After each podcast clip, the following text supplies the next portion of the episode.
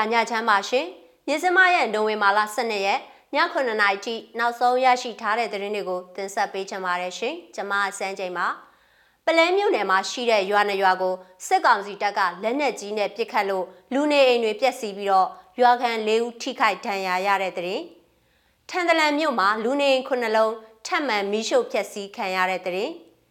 နိုင်ငံတော်အတိုင်ပင်ခံပုဂ္ဂိုလ်ဒေါ်အောင်ဆန်းစုကြည်ကိုပေးဖို့ရွှေချောင်းနဲ့ဒေါ်လာတွေစီစဉ်ပေးခဲ့ရတယ်လို့ ဒေါခင်မိမိကျွဲထွက်ဆိုတဲ့သတင်းဒီမောဆိုတိုက်ပွဲတွင်ကြာဆုံးခဲ့တဲ့ KNDF ရဲဘော်ရဲ့ဇာပနာအခမ်းအနားအပါအဝင်ပြည်တွင်းနဲ့နိုင်ငံတကာသတင်းတွေကိုတင်ဆက်ပေးပါတော့မယ်ရှင်ပလဲမြို့နယ်ကသတင်းနဲ့စလိုက်ချင်ပါတယ်စကိုင်းတိုင်းပလဲမြို့နယ်အတွင်းမှာရှိတဲ့မြကုန်းကျေးရွာနဲ့တိတရာကျေးရွာနှစ်ရွာကိုနိုဝင်ဘာလ17ရက်ည9နာရီလောက်မှာစစ်ကောင်စီကလက်နက်ကြီးနဲ့9ချက်ခန့်ပစ်ခတ်ခဲ့ရာ ရွာအတွင်းရှိလူနေအိမ်တွေပျက်စီးပြီးရွာခံ၄ဦးမှာထိခိုက်ဒဏ်ရာရရှိခဲ့တယ်လို့အဲ့ဒီရွာကဒေသခံတဦးကမြစ်စမကိုဆက်သွဲပြောဆိုပါရယ်ကျွန်တော်တို့အပြစ်မဲ့ပြည်သူတွေကိုချိန်ချောက်တဲ့အဆင့်မျိုးတင်မကတော့ဘူးအသက်တည်တဲ့အထိရည်ရွယ်ချက်ရှိရှိကျူးလွန်နေတာအခုဟာကမနေ့ကည9နာရီကျော်လောက်မှာတိုက်ပွဲဖြစ်နေတာမျိုးမဟုတ်ပဲရွာတဲကိုလက်နက်ကြီးနဲ့ရည်ရွယ်ချက်ရှိရှိကိုလှမ်းပစ်ခဲ့တာလို့သူကပြောပါရယ်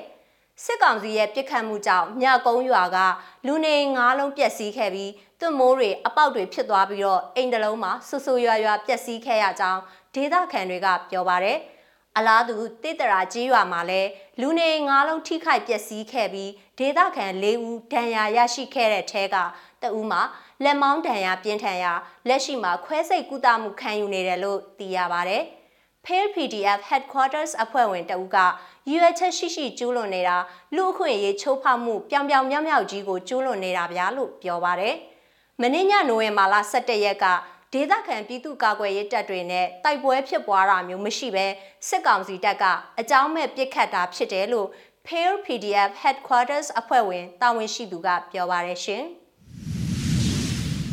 ချင်းပြည်နယ်ကတရင်နဲ့ဆက်ချင်ပါတယ်။ ချင်းပြည်နယ်ထန်တလန်မြို့မှာမနေ့ကနိုဝင်ဘာလ17ရက်ညပိုင်းမှာစစ်ကောင်စီတပ်ဖွဲ့ကလူနေအိမ်ခုနှစ်လုံးကိုမီးရှို့ဖျက်ဆီးလိုက်ကြောင်းချင်းအမျိုးသားတပ်မတော် CNAC ကသိရပါဗျ။သူတို့ကစစ်တပ်ကုန်းနဲ့နီးတဲ့နေရာတွေမှာအိမ်တွေကိုမီးရှို့တယ်။အဓိကကသူတို့တပ်စခန်းတွေကိုလာတိုက်ရင်ပုံးခိုစရာနေရာမရှိအောင်လုပ်တဲ့သဘောလို့ယူဆတယ်လို့ CNA ရဲ့ပြောရေးဆိုခွင့်ရှိသူဆလိုင်းထက်နီမှပြောပါတယ်။ နိုဝင်ဘာလ2ရက်6ရက်နဲ့9ရက်ကလည်းစစ်ကောင်စီတပ်ကဒေသခံတွေရဲ့နေအိမ်တွေကိုမီးရှို့ဖျက်ဆီးခဲ့လို့အခုအကြိမ်ပါဝင်မီးရှို့မှု၄ကြိမ်ရှိပြီဖြစ်ပြီးတော့လူနေ20ကျော်မီးလောင်ပျက်စီးခဲ့ရတယ်လို့သူကဆိုပါတယ်။ ထန်တလန်မြို့မှာလူဦးရေတထောင်ဝန်းကျင်နဲ့အိမ်ခြေ1500ခန့်ရှိပြီးပြီးခဲ့တဲ့လကဖျားချောင်း3ချောင်းအပါအဝင် လူနေအိမ်ခြေ230ဝန်းကျင်မီးလောင်ဆုံးရှုံးခဲ့ကြောင်းချင်းပြည်သူကာကွယ်ရေးတပ်တွေကသတင်းထုတ်ပြန်ထားပါသေးတယ်။မြို့ခံတွေဟာစက်တင်ဘာလကစလို့အနီးနားမှာရှိတဲ့ရွာတွေနဲ့အိန္ဒိယနိုင်ငံမီဇိုရမ်ပြည်နယ်တွေကိုစစ်ဘေးသိမ်းရှောင်ကြရကြောင်းဒေသခံတွေစီကသိရပါတယ်ရှင်။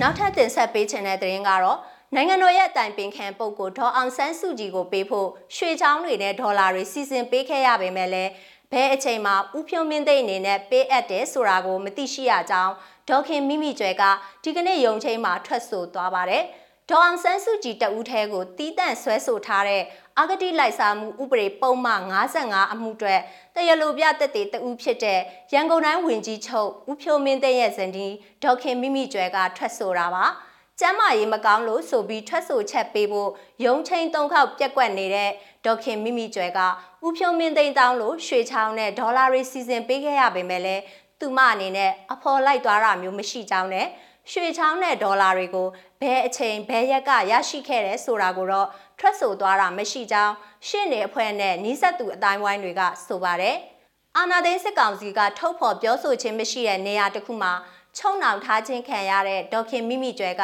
ဒီကနေ့လေးချိန်မြောက်မှာမှလိုပြတက်တေဖြစ်လာရောက်ထွက်ဆိုတာဖြစ်ပါတယ်။လိုပြတက်တေနောက်တဦးဖြစ်တဲ့ဦးဖြုံးမင်းသိန်းက အကယ်ဒမီအခောက်ရွှေခုနှစ်ပိတ်တာနဲ့အမေရိကန်ဒေါ်လာ6သိန်းကိုဒေါ်အောင်ဆန်းစုကြည်ထံရန်ကုန်မြို့ပြစီမံကိန်းတွေအတွက်ပေးခဲ့ရတယ်လို့အစောပိုင်းကတရားရုံးမှာထွက်ဆိုထားပါတယ်။အဲ့ဒီပေါ်ဒေါ်အောင်ဆန်းစုကြည်က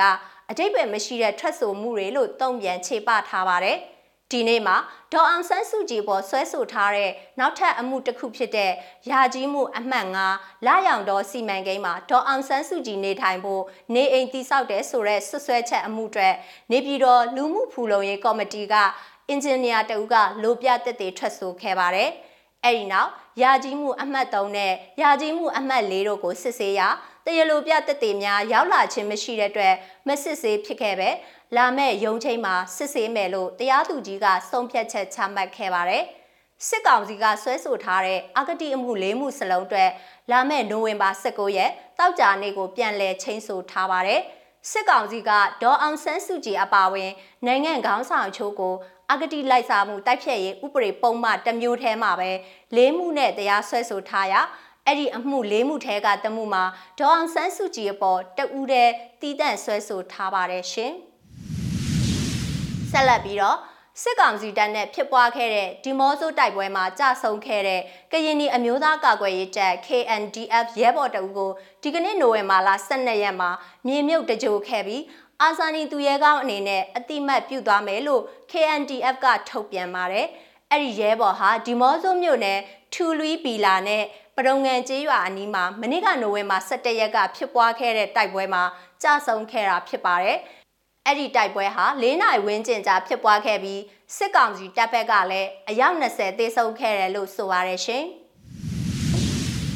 နိုင်ငံတကာဘက်မှာတော့ပီရူးနိုင်ငံမြောက်ပိုင်းမှာကိုလံဘတ်ခက်မတိုင်ခင်ကစူပေါင်းတင်းချိုင်းတစ်ခုတွေ့ရှိတဲ့သတင်းကိုလည်းကြည့်ရှုနားဆင်ကြရအောင်ပါရှင်။တောင်အမေရိကတိုက်ကပီရူးနိုင်ငံမြောက်ပိုင်းမှာကိုလံဘတ်ခက်မတိုင်ခင်က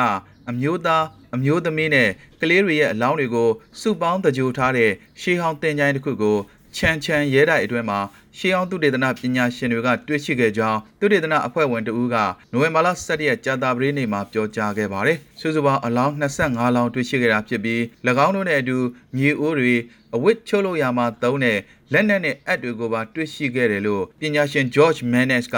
AFP ကိုပြောပြပါတယ်။ဒီသင်္ချိုင်းကို မြို့တော်လီမာရဲ့မြောက်ဘက်မိုင်310အကွာကချန်ချန်ရဲတိုက်ထဲမှာလွန်ခဲ့တဲ့3ပတ်လောက်ကတွေ့ရှိခဲ့တာဖြစ်ပါတယ်။ရုပ်လောင်းတွေဟာအကောင်းပဂရိအတိုင်းပဲရှိနေသေးတယ်လို့ Manes ကဆိုပါတယ်။အင်ကာလူမျိုးတွေလက်ထဲပီရူးနိုင်ငံမကြရောက်ခင်ပီရူးနိုင်ငံမြောက်ဘက်ကမ်းရိုးတန်းမှာတက်ကရစ်900နဲ့1450ခုနှစ်အကြားထွန်းကားခဲ့တဲ့ချီမူးယဉ်ကျေးမှုခေတ်မှာချန်ချန်ရဲတိုက်ကိုဆောက်လုပ်ခဲ့တာဖြစ်ပါတယ်။ချန်ချန်ဆိုတာချီမူးဘာသာစကားအရာ သူရိန်နေမင်းလို့အတိတ်ပဲရပါတယ်။အဆိုပါရဲတိုက်ကြီးကိုခွန်တက်သမ9မိုင် area အတွင်းမှာစောက်လုပ်ခဲ့တာဖြစ်ပြီးနိုင်ရန်ပြည့်နန်းဆောင်10လုံးပါဝင်ပြီးတကိုးထွားခဲ့စဉ်အချိန်ကနိုင်ငံသား3000ဝန်းကျင်အမိပြုတ်ခဲ့ရာနေရာလည်းဖြစ်ပါတယ်။၎င်းရဲတိုက်ကို1986ခုနှစ်ကကမ္ဘာအမွေအနှစ်အဖြစ် UNESCO ကကြေညာခဲ့ပြီးအန်ဒီယရှိအမွေအနှစ်အဖြစ်စီရင်သွင်းခဲ့ပါတယ်။ပီရူးနိုင်ငံမှာကိုလံဘက်မတိုင်ခင်ခေတ်က လူအလောင်းတွေနဲ့အမှုပညာလက်ရာတွေကိုမကြာခဏတူးဖော်တွေ့ရှိတတ်ပါတယ်။ပြီးခဲ့တဲ့လကလည်းလီမာမြို့ရဲ့လမ်းတစ်ခုပေါ်ဓာတ်ငွေပိုက်လိုင်းမြုပ်နေတဲ့လုံသားတွေကနှစ်2000တက်တန်းရှိတဲ့မြေအိုးတွေနဲ့အတူမြုပ်နှံထားတဲ့အလောင်းတွေကိုတွေ့ရှိခဲ့ပြီးဖြစ်တယ်လို့သိရှိရပါတယ်။ညစမရဲ့နိုဝင်ဘာလ12ရက်ည9:00နာရီထိနောက်ဆုံးရရှိထားတဲ့သတင်းတွေကိုတင်ဆက်ပေးခဲ့တာပါ ကြည့်ရှုအားပေးတဲ့အတွက်ကျေးဇူးအထူးတင်ရှိပါတယ်မြမပြည်သူတွေဘေးရန်နယ်ပေါင်းကကင်းဝေးကြပါစေရှင်